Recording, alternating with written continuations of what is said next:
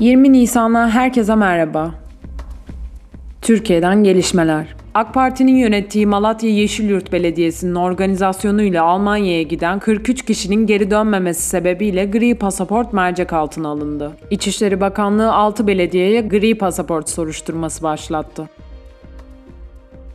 Geçtiğimiz cumartesi Muğla'nın Menteşe ve Kavaklıdere ilçesinde çıkan yangında 60 futbol sahası kadar ormanlık alan yandı. Yangın dün öğlen saatlerinde söndürülebildi.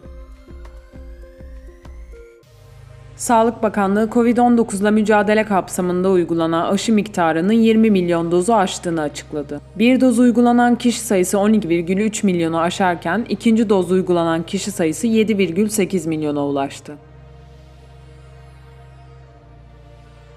Bağımsız milletvekili Ahmet Şık, uzak gibi görünen umutlu günlere hep birlikte uzanıp dokunabilmek adına sözleriyle Türkiye İşçi Partisi'ne katıldığını duyurdu.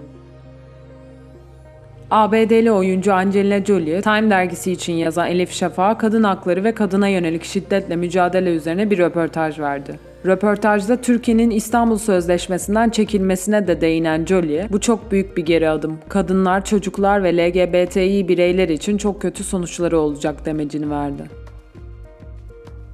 NTV'ye konuşan Hazine ve Maliye Bakanı Lütfi Elvan, 128 milyar dolar tartışmalarına ilişkin olarak yöntem eleştirilebilir, tartışılabilir ama yolsuzluk var ithamları doğru bir yaklaşım değil dedi. Verileri açıklama kararının Merkez Bankası'na ait olduğunu kaydeden Elvan, ben bu verilerin yayınlanmasında fayda görüyorum. Tabii ki takdir Merkez Bankası'nın dedi. Dünyadan gelişmeler. Suriye Halk Meclisi Sözcüsü Hamuda Sabbah, devlet başkanlığı seçimlerinin 26 Mayıs'ta yapılacağını açıkladı. Atina yönetimi Yunanistan ve İsrail'in Mora Yarımadası'nda yer alan Kalamata Havalimanı'nda uluslararası bir uçuş eğitim merkezi kurmak için 1.65 milyar dolarlık bir anlaşma yaptıklarını duyurdu. Rusya Dışişleri Bakanlığı ABD'ye yönelik yeni yaptırım kararları açıkladı. Rusya 10 ABD'li diplomatı sınır dışı etti ve 8 ABD'li yetkilinin ülkeye girişini yasakladı. Küba'da iktidardaki Komünist Partisi'nin lideri Raul Castro, liderlik görevini tutkulu ve anti-emperyalist bir ruhla dolu daha genç bir nesle bırakacağını açıkladı. Myanmar'daki darbe yönetimi geleneksel yeni yıl Tinjian kutlamaları sebebiyle 23 bin tutukluyu serbest bıraktı. NASA, Perseverance görevi kapsamında Mars'ta Ingenuity isimli minyatür helikopterin uçuşunun başarılı bir şekilde gerçekleştiğini ve verilerin dünyaya ulaştığını açıkladı.